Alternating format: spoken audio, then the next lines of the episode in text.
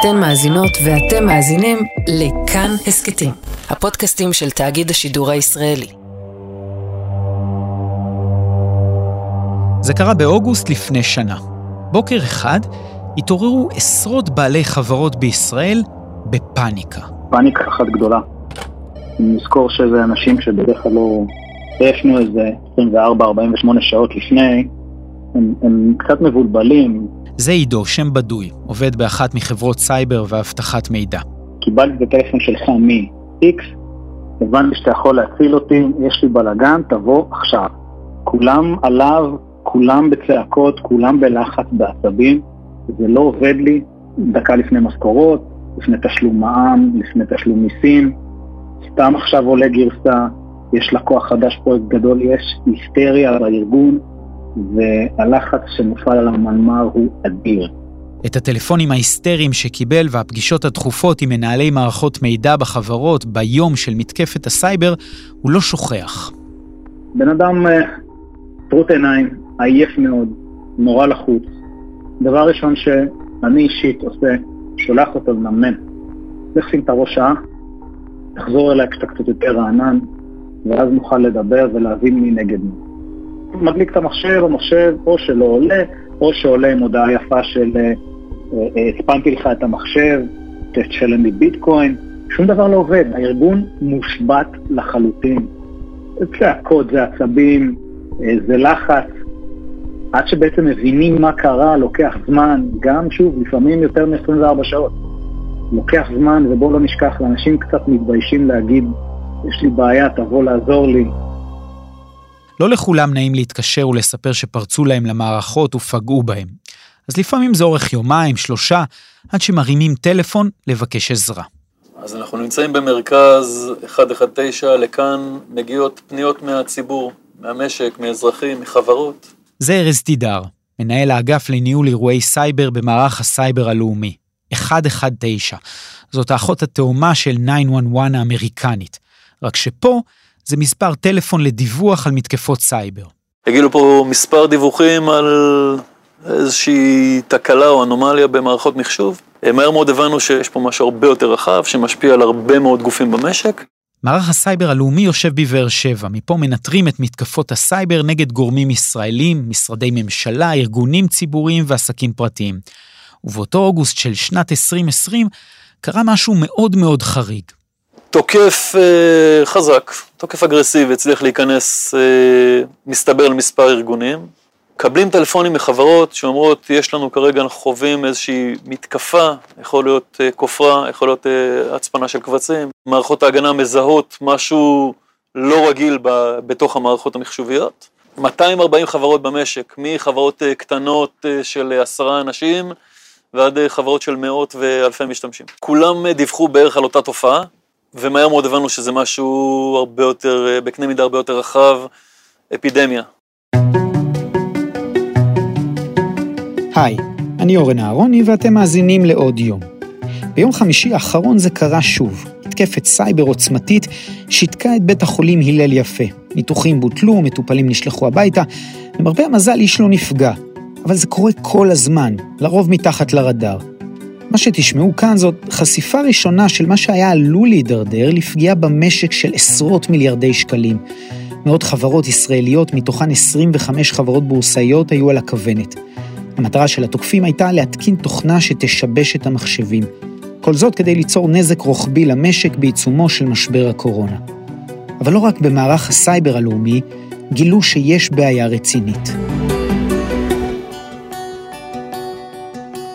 יום אחד בבוקר התחלנו לקבל דיווחים על חברות ישראליות קטנות שנתקפו ב-ransomware, תוכנת כופר. זאת מאיה הורוביץ, היא סמנכ"לית מחקר בצ'ק פוינט, החברה הישראלית מהגדולות בעולם בתחום אבטחת מחשבים, רשתות ומידע. ידענו לחבר את הדברים האלה יחד ולהבין שזו איזושהי תוכנה שלא ראינו בעבר, אה, והתחלנו לחקור אותה ולנסות להבין איך היא בנויה, איך היא תוקפת, מה הסממנים הטכניים שלה ואיך אנחנו יכולים למצוא אותה יותר לרוחב על עוד ארגונים שאולי לא דיווחו לנו אה, בעצמם על, ה, על ההתקפה. זה הצליח להם? טכנית הם הצליחו. ההצפנה הצליחה, זאת אומרת, הם מנעו מחברות את הגישה לקבצים של עצמן, הם פרסמו דאטה שהם גם גנבו מה, מהחברות האלה, אה, וזה הצליח להם אה, גם תודעתית. כשבדקו את העקבות של התוקפים, זה הוביל למקום אחד מאוד מסוים. לדעת שהתוכנה איראנית, זה בעצם הגיע בשלב מאוחר יותר, אחרי ש... שהתחלנו לעקוב אחרי, אחרי הכסף בעצם. כשהתוקפים מבקשים, מבקשים כופר, הם מבקשים אותו במטבעות דיגיטליים שמאוחסנים בארנקים דיגיטליים. וכשאנחנו הלכנו ועקבנו אחרי הארנק הדיגיטלי של התוקפים, אז הבנו שהוא, שהוא משוייך לאיזשהו exchange באיראן. זאת אומרת, exchange שמנוהל לגמרי בפרסית, צריך להראות uh, תעודת זהות איראנית בשביל לפתוח שם חשבון, ומזה אנחנו הבנו ש, שבעצם התוקפים הם, הם מאיראן. צוותי התגובה של מערך הסייבר וצ'ק פוינט עבדו מול יותר מ-200 חברות והצליחו לבלום את ההדבקה. אבל זאת רק דוגמה אחת לקרב שמתחולל הרחק מן העין מאחורי הקלעים. זאת מלחמה של ממש, שיש לה שתי זירות שונות. זירה אחת אפשר להגדיר כעימות בין מעצמות, איראן וישראל למשל, מתקפות של סייבר בין מדינות שהמטרה היא ריגול ופגיעה ממשית. חישבו לרגע מה קורה אם מדינה אויבת מצליחה להשתלט על נתב"ג, על רכבות, על רשת החשמל או המים.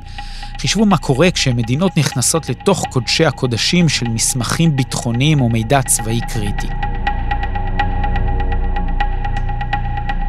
אנחנו נמצאים במלחמה מול אה, מגוון רחב מאוד של אה, תוקפים. חלקם זה מדינות, חלקם זה ארגוני פשיעה. יגאל לונה הוא ראש מערך הסייבר הלאומי. אנחנו מדברים באחד ממרכזי המידע של המערך.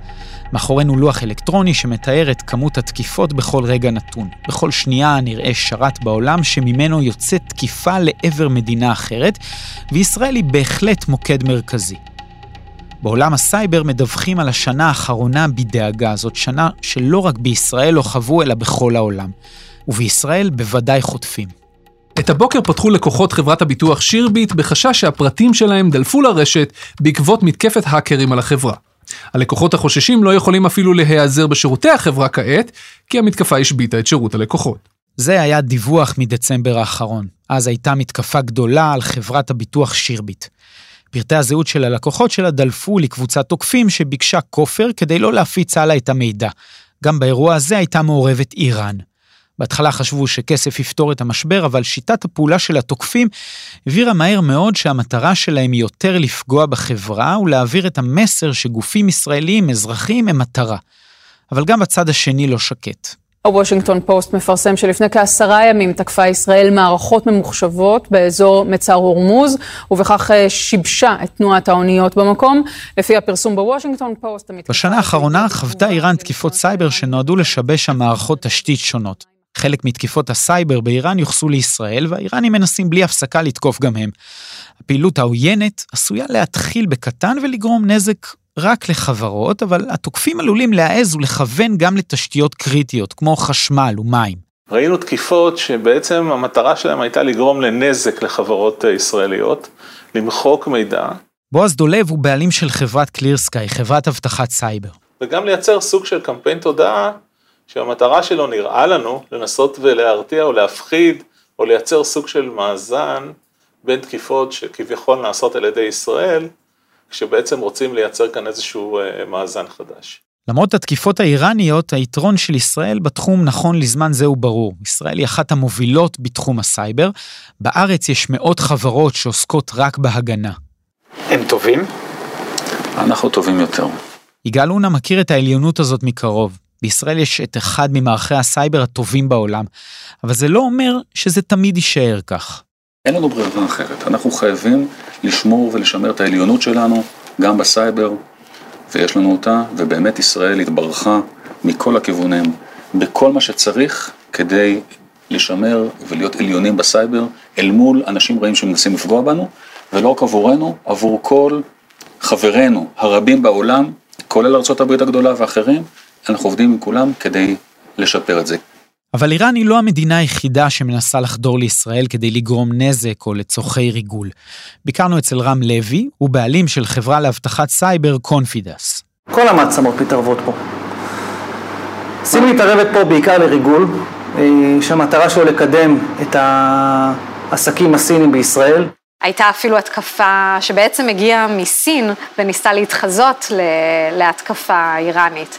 בעצם כל הנושא של לשייך התקפה לתוקף הוא מאוד מאוד מתעתע. כן, חלק מההטייה של מדינות היא התחזות למדינה אחרת, כמו שאומרת לנו מאיה הורוביץ מצ'ק פוינט. כלומר, סין רוצה לחדור למחשבים בישראל, אבל מעדיפה שלא יזהו אותה, אז הפורצים מתחזים לפורצים מאיראן, לדוגמה. לפעמים זה שקוף ולפעמים לא.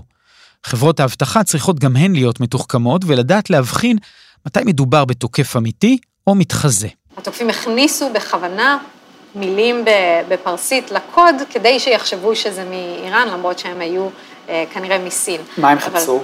מסין, בניגוד למדינות אחרות, המטרות הן לא, הן לא כסף, הן להגיע למידע, ובדרך כלל למידע מגופים ממשלתיים. סיני אחת, גם מרוסיה תוקפים בישראל, כלומר מנסים לחדור למחשבים בארץ, להשיג מידע או לדרוש כופר, והיו גם תקיפות אפילו מצפון קוריאה. צפון קוריאה תקפה בישראל גם כן למטרות ריגול. זה שוב רם לוי, הבעלים של חברת קונפידס. מה שצפון קוריאה עושה זה או שהיא גונבת סודות ביטחוניים, או שהיא פורצת לחברות קריפטו וגונבת מהם כספים, או מלבינה דרכם, מעבירה דרכם כספים. התגברות משמעותית מאוד של התקיפות המדינתיות, למטרה שהיא לא ריגול. זאת אומרת שתוקפים חברות ומשביתים אותן. ואם אתה חברה פה, חברה שם, זה לא נורא. אבל כשיש לך אלף, אלפיים, שלושת אלפים חברות בשנה, זו כבר פגיעה של מיליארדים בתוצר הלאומי הגולמי. זו פגיעה כלכלית משמעותית. בתקיפות השנה אפשר היה לראות שלמשבר הקורונה יש משמעות. הרבה מהתקיפות היו קשורות לנושאי בריאות והמלחמה בקורונה. גם מנסים להפיל בתי חולים ולבקש אה, כופר כדי להחזיר להם את הפעילות. גם בארץ?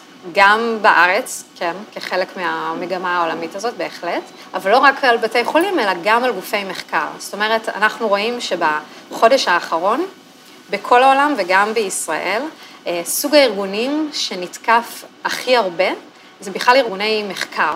ואחת מהסיבות זה שזה גם ארגונים שחוקרים אופציות לחיסונים ומחקרים שקשורים לקורונה ושיש בהם אה, דאטה של בריאות. בנוסף למדינות, גם ארגוני טרור פעלו בשנה האחרונה במישור הזה. אני חושב שהחמאס הגביר מאוד את התקיפות על מדינת ישראל. הם הצליחו אה, לפרוץ לחברות ישראליות, לגנוב מידע, אה, גם לגנוב מידע על חיילים לדעתי, דרך מכשירי הסלולר. פיצוץ בעזה בזמן מבצע שומר החומות של בניין התקשורת המפורסם, שבו שכנה סוכנות AP, וככל הנראה גם יחידת הסייבר של חמאס, הביא לירידה דרמטית בפעולות של חמאס בתחום הזה, עד כמעט אפס פעילות. זה מה שאומר לנו בועז דולב. אנחנו מעריכים בעצם שבמבצע עצמו, רק מלהסתכל על אה, סגנון הפעולה, בעצם נפגעה אה, יחידת, ה, אה, יחידת הסייבר של החמאס מאוד, והיא לדעתי בשלבים אולי של התאוששות או בנייה מחדש, אבל בשלב הנוכחי יש פחות תקיפות. אבל מלחמות סייבר בין מדינות הן חלק קטן ממה שמתחולל בשנה האחרונה. יש גם את החלק השני של הסיפור, והוא לא קשור למדינות או למעצמות, לא לריגול ולא לסודות צבאיים. בחלק הזה אנחנו מספרים על כנופיות של עבריינים מתוחכמים, שיושבים בצד השני של העולם ובדרכי עורמה או בלחיצה על כמה מקשים הם מצליחים לחדור למחשבים הפרטיים שלכם בבית או של חברות מסחריות, לעצור להם את הפעילות העסקית ולדרוש כסף. ממש כופר. תן עשרות אלפי דולרים, ובתמורה נדאג שלא להפיץ את המידע של הלקוחות שלכם. נחזיר לכם את המידע שאספתם, את התמונות, את הסרטונים, את המיילים, ולא תאמינו כמה זה קל לביצוע. יש מנוע חיפוש שנקרא שודן. מנוע הזה, מה שהוא מאפשר לך לעשות, זה לחפש דברים.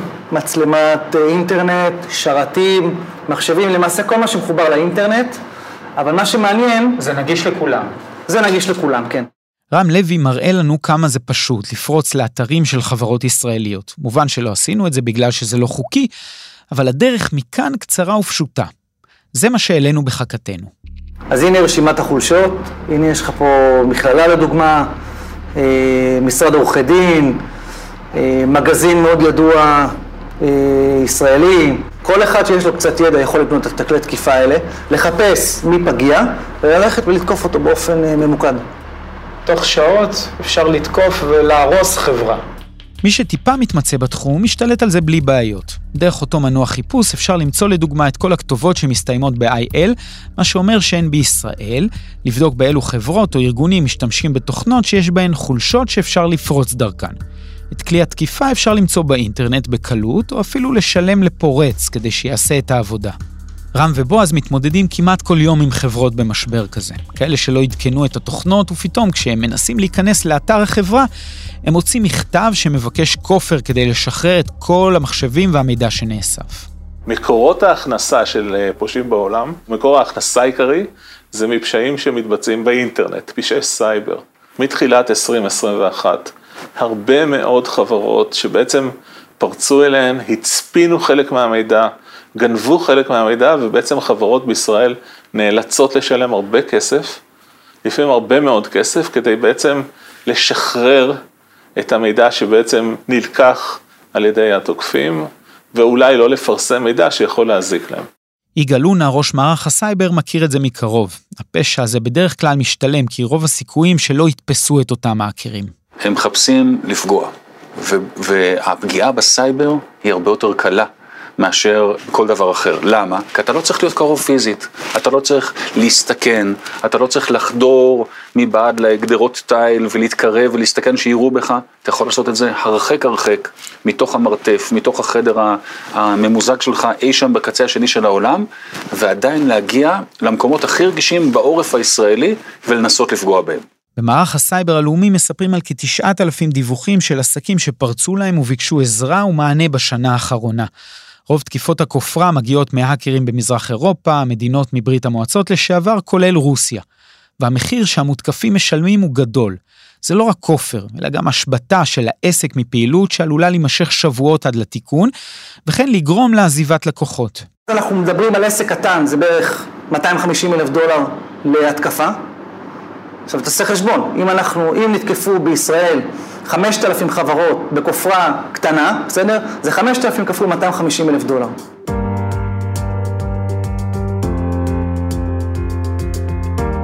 אבל אולי בכל זאת משהו ישתנה.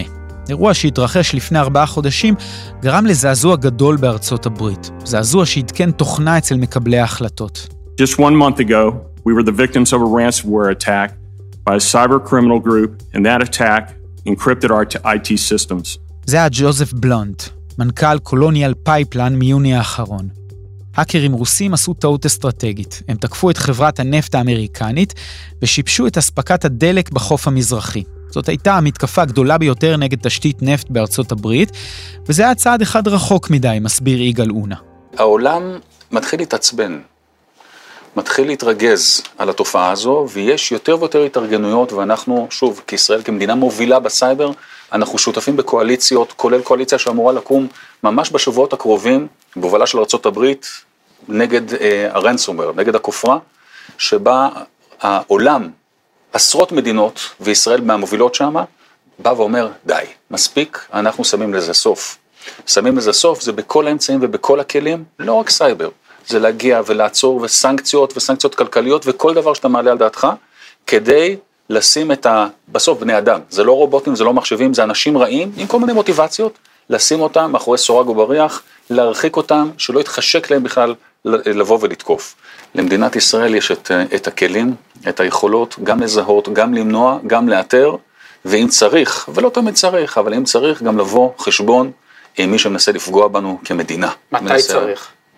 כשזה עובר סף ושזה אה, מתחיל לסכן דברים שהם חשובים במיוחד לישראל. המתקפה הזאת של הרוסים על חברת הנפט אילצה את הנשיא ביידן להתערב ולהתחיל לבצע פעולות מעשיות נגד שיטות כופר הסייבר.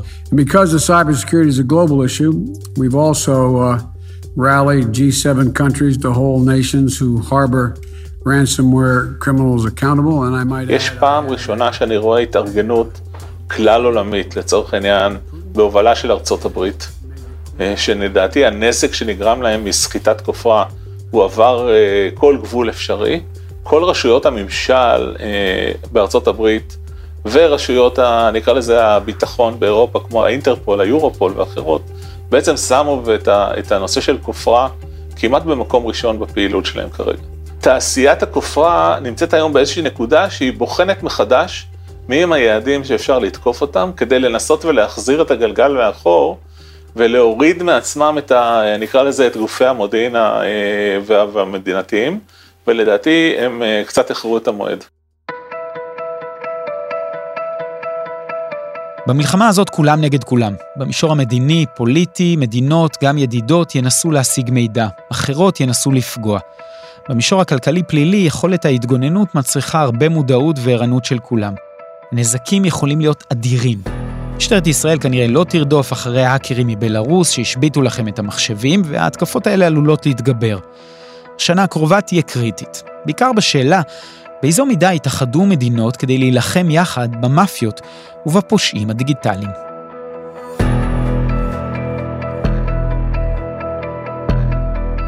האזנתם עכשיו לפרק של עוד יום, ערכו אותו דניאל אופיר וניר גורלי, עיצוב סאונד ומיקס רחל רפאלי, תחקיר בר דוידי, בצוות איתי שכטר. אם היה לכם מעניין, נשמח אם תשתפו את הפרק. אם יש לכם הערות על מה שאמרנו, אתם מוזמנים ומוזמנות לכתוב בקבוצת הפודקאסטים שלנו, כאן הסכתים. תוכלו לכתוב גם בחשבון שלי, אורן אהרוני, בפייסבוק או בטוויטר. את כל הפרקים שלנו והסכתים נוספים מבית כאן תוכלו למצוא באפליקציית הפודקאסטים האהובה עליכם, באתר שלנו וגם בספוטיפיי. אני אורן אהרוני, נשתמע.